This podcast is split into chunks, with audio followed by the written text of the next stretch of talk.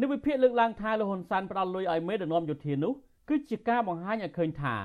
លោកទទួលស្គាល់របបយោធាខុសច្បាប់និងចង់បង្កើនមិត្តភាពជាមួយមេដឹកនាំប្រជាការនៅក្នុងតំបន់ក្រមរូបភាពមនុស្សធម៌អ្នកខ្លំមើលផ្នែកអភិវឌ្ឍសង្គមបដិសេនសេរីមានប្រសាសន៍ថាលោកគាំទ្រដែលលោកហ៊ុនសែនមានសម្ដានចិត្តមនុស្សធម៌ជួយដល់អ្នករងគ្រោះដោយសារតែជំងឺ Covid-19 ហើយលោកក៏ចង់ឃើញឲ្យលោកហ៊ុនសែនទទួលខុសត្រូវលើពលករចំណាក់ស្រុកដែលកំពុងតែជាប់គាំងនៅឯក្រៅប្រទេស ពិសេសនៅប្រទេសថៃដោយដែលលោកហ៊ុនសែនផ្ដល់លុយជូនមេដឹកនាំយោធាដូចនោះដែរ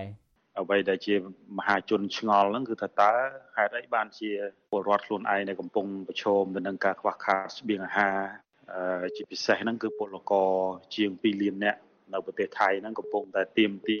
កំពុងតែត្រូវការមហូបអាហារហ្នឹងបែរជារដ្ឋាភិបាលមិនគិតគូរហើយបែរទៅជាគិតគូរ ពលរដ្ឋឬក៏ប្រទេសដទៃអានេះវាធ្វើឲ្យពលរដ្ឋហ្នឹងមានភាពមិនសប្បាយចិត្តចំពោះអេរយាប័តរបស់រដ្ឋាភិបាលបច្ចុប្បន្នណាបាទក៏ប៉ុន្តែទោះបីយ៉ាងណាក៏ដោយបើសិនជាមានចេតនាមនុស្សធម៌មែនគួរតែគិតគូរកូនខ្លួនឯងមុនគិតគូរកូនអ្នកដទៃណាបាទការលើកឡើងរបស់នៃវិភាគនេះនៅក្រៅពេលលោកហ៊ុនសែនបានផ្ដល់ថវិកាចំនួន20ម៉ឺនដុល្លារជូនមេដឹកនាំផ្ដាច់ការយោធាក្រៅពីទឹកប្រាក់សុទ្ធចំនួន20ម៉ឺនដុល្លារនេះលោកហ៊ុនសែនបានផ្ដល់ម៉ាស់ចំនួន3លានម៉ាស់ឧបករណ៍ធ្វើតេស្តចំនួន5សែន និងបំពង់អុកស៊ីសែនមួយចំនួនថែមទៀតអ្នកនាំពាក្យគណៈបកប្រជាជនកម្ពុជាលោកសុកអេសានអះអាងថាពលករនៅប្រទេសថៃរដ្ឋាភិបាលបានយកចិត្តទុកដាក់ដល់ស្រ័យជូនជាបន្តបន្ទាប់មកហើយរឿងពលករខ្មែរក៏ដូចជាបងប្អូនជនបរទេសហ្នឹងក៏យើងជួយដូចគ្នាដែរមិនមែនជួយទៅបរទេសជួយទៅភូមិអត់ជួយពលករខ្មែរដែរបាទអាដាមជួយហ្នឹងកន្លងមកហ្នឹងគឺជួយពលករពិសេសគឺពលករនៅថៃហ្នឹងជួយបានអីខ្លះហើយតាបាទ អូសួរខ្ញុំមិនដឹងអានឹងគេមានគណៈកម្មការថ្នាក់ជាតិរបស់គេគេចាត់ចែងតែខ្ញុំយល់ថារដ្ឋាភិបាលមិនបោះបង់ចោលពលករខ្មែរណាម្នាក់នៅក្រៅប្រទេសដែលរងការលំបាកទេទោះជាមានការអះអាងបែបនេះក្តីអនុប្រធានគណៈបកសង្គ្រោះជាតិអ្នកស្រីមូសុខហួរលើកឡើងថាមកទល់ពេលនេះទោះបីជាលោកហ៊ុនសែនបានប្រកាសថាបានតាក់ទងជាមួយរដ្ឋាភិបាលថៃដើម្បីដោះស្រាយជូនពលករដែលកំពុងតែខ្វះខាតស្បៀងហើយក្តីតែជាក់ស្ដែងលោកហ៊ុនសែន មិនទាន់មានវិធានការជាក់លាក់ជួយដល់ពលករខ្មែរនៅថៃនៅឡើយពិសេសអ្នកឆ្លងជំងឺ Covid-19 នៅស្រីមូសង្ហួរមានចំទាស់នឹងរឿងលោកហ៊ុនសែនដែលផ្ដាល់លុយជូនមេដឹកនាំយោធានោះទេក៏ប៉ុន្តែលោកហ៊ុនសែនក៏ត្រូវបង្ហាញកាយវិការទទួលខុសត្រូវលើពលករខ្មែរដែលកំពុងតែខ្វះស្បៀងអាហារនៅប្រទេសថៃដែរ ត្រូវជួយនរណាមុនត្រូវជួយនៅប្រជាពលរដ្ឋខ្មែរជាពិសេសពលករចំណាក់ស្រុកហើយនឹងស្ត្រីនិងអ្នកដែលរកទទួលទានខ្វះខាតមួយថ្ងៃរកមិនបាន2ឬ3ដុល្លារនេះអញ្ចឹងយើងឃើញថាលោកហ៊ុនសែនតែងតែអូនអត្ថភាពទៅដល់ប្រទេសដទៃទៀតចំពោះយើងវិញនៅភូមាយើងដឹងហើយភូមាគឺជារបបមួយដែលកាន់ដោយយោធាផ្ដាច់ការមិនគួរណាឡើយ ប្រទេសកម្ពុជាយើងលោកហ៊ុនសែនយកថវិកាយកថវិកាលុយស្រស់ស្រស់ទៀតនៅភូមាដែល ប្រព័ន្ធធនាគារនៅភូមារលំទៅហើយរបាយការណ៍របស់អង្គការសង្គ្រោះឲ្យដឹងថាពលករធ្វើការនៅប្រទេសថៃមានប្រមាណជា2លាននាក់ក្នុងចំណោមពលករទាំងនេះភាគច្រើនកំពុងតែប្រឈមនឹងភាពអត់ការងារធ្វើអ្នកខ្លះឆ្លងជំងឺ Covid-19 និងអ្នកខ្លះទៀតកំពុងតែដាច់ស្បៀងជាដើមតើតើនឹងបញ្ហានេះ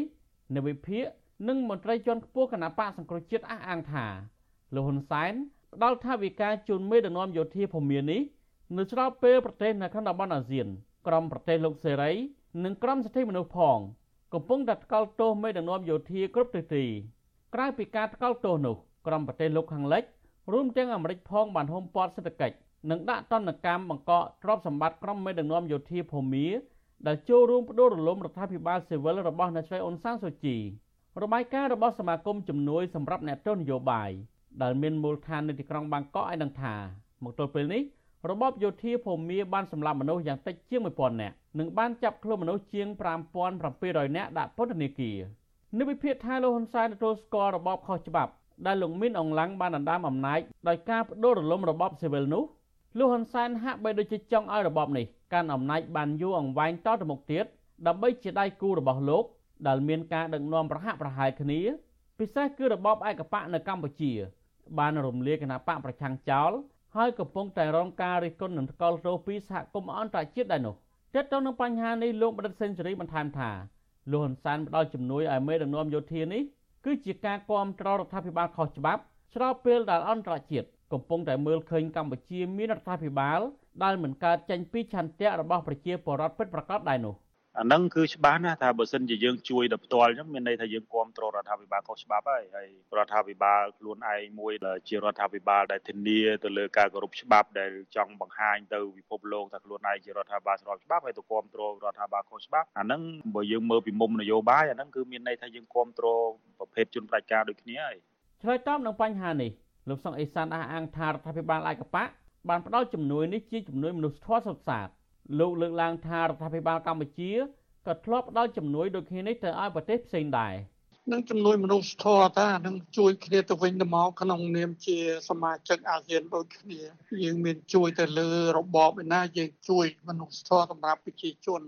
ទោះបីជាយ៉ាងនេះក្តីអ្នកស្រីមុតសហួរបានឲ្យជំនួយរបស់លោកហ៊ុនសែននេះជាការចូលដៃចូលជើងជាមួយមេដឹកនាំផ្ដាច់ការភូមិទៅវិញទេអ្នកស្រីបន្ថែមថានៅស្របពេលកម្ពុជានឹងធ្វើជាប្រធានអាស៊ាននៅឆ្នាំក្រោយផងនោះ គឺលោកហ៊ុនសែនធ្វើដូច្នេះគឺជាការខុសឆ្គងដែលមិនមានកោសង្ស៊ីសនៅក្នុងតំបន់ យើងដឹងហើយសេចក្តីសម្រេចអ្វីក៏ដោយគឺទៅតាម consensus មានន័យថាទាំងអស់គ្នាត្រូវតែឯកភាពទាំងអស់គ្នាដូច្នេះលោកហ៊ុនសែននឹងអ្នកផ្ដាច់ប្រទេសដែលផ្ដាច់ការដូចជាភូមាហើយប្រទេសកុម្មុយនីសដូចជាប្រទេសឡាវប្រទេសវៀតណាមដែលអត់មានប្រជាធិបតេយ្យនោះគឺគេចងមេត្រីភាពចងសម្ព័ន្ធភាពជាមួយគ្នាដូច្នេះយើងឃើញថានេះគឺជាគ្រោះថ្នាក់ធ្ងន់ណាស់សម្រាប់ប្រជាធិបតេយ្យនិងសិទ្ធិមនុស្សនៅប្រទេសនៅតំបន់អាស៊ានយើងនេះ និវិភាកនិងមន្ត្រីជាន់ខ្ពស់គណៈបកប្រឆាំងអះអាងថាមូលហេតុចម្បងដែលលោកហ៊ុនសែនទទួលស្គាល់និងគាំទ្រមេដឹកនាំយោធាភូមិនេះដោយសារតែលោកមីនអងឡាំងបានធ្វើរដ្ឋប្រហារទម្លាក់រដ្ឋាភិបាលជាប់ឆ្នោតរបស់អ្នកស្រីអង្សានសុជីកាលពីដើមឆ្នាំ2021ដោយដែលលោកហ៊ុនសែនបានរំលាយគណៈបកប្រឆាំងកាលពីឆ្នាំ2017ដូចនោះដែរលោកហ៊ុនសែនចង់ឲ្យពិភពលោកពិសេសក្រុមប្រទេសប្រជាធិបតេយ្យមើលឃើញថារបបខុសច្បាប់នោះ មិនមែនមានតែកម្ពុជាតែមួយនោះទេ នៅក្នុងតំបន់អាស៊ាន គឺមានភូមាដែរនៅវិភាគថាមេដឹកនាំយោធាភូមានិងលោកហ៊ុនសែនត្រូវតែគ្រប់គ្រងគ្នាទៅវិញទៅមកដើម្បីពង្រឹងអំណាចផ្ដាច់ការនៅក្នុងតំបន់មកទល់ពេលនេះក្រុមមេដឹកនាំយោធាភូមានៅតែបន្តសម្លាប់មនុស្សនិងចាប់ខ្លួនបរិវត្តឲ្យប្រឆាំងនឹងខ្លួនដាក់ពន្ធនាគារមិនខុសពីនៅកម្ពុជាឡើយ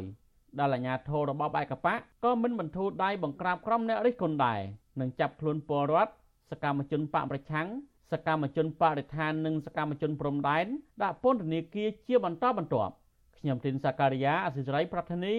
វ៉ាស៊ីនតោន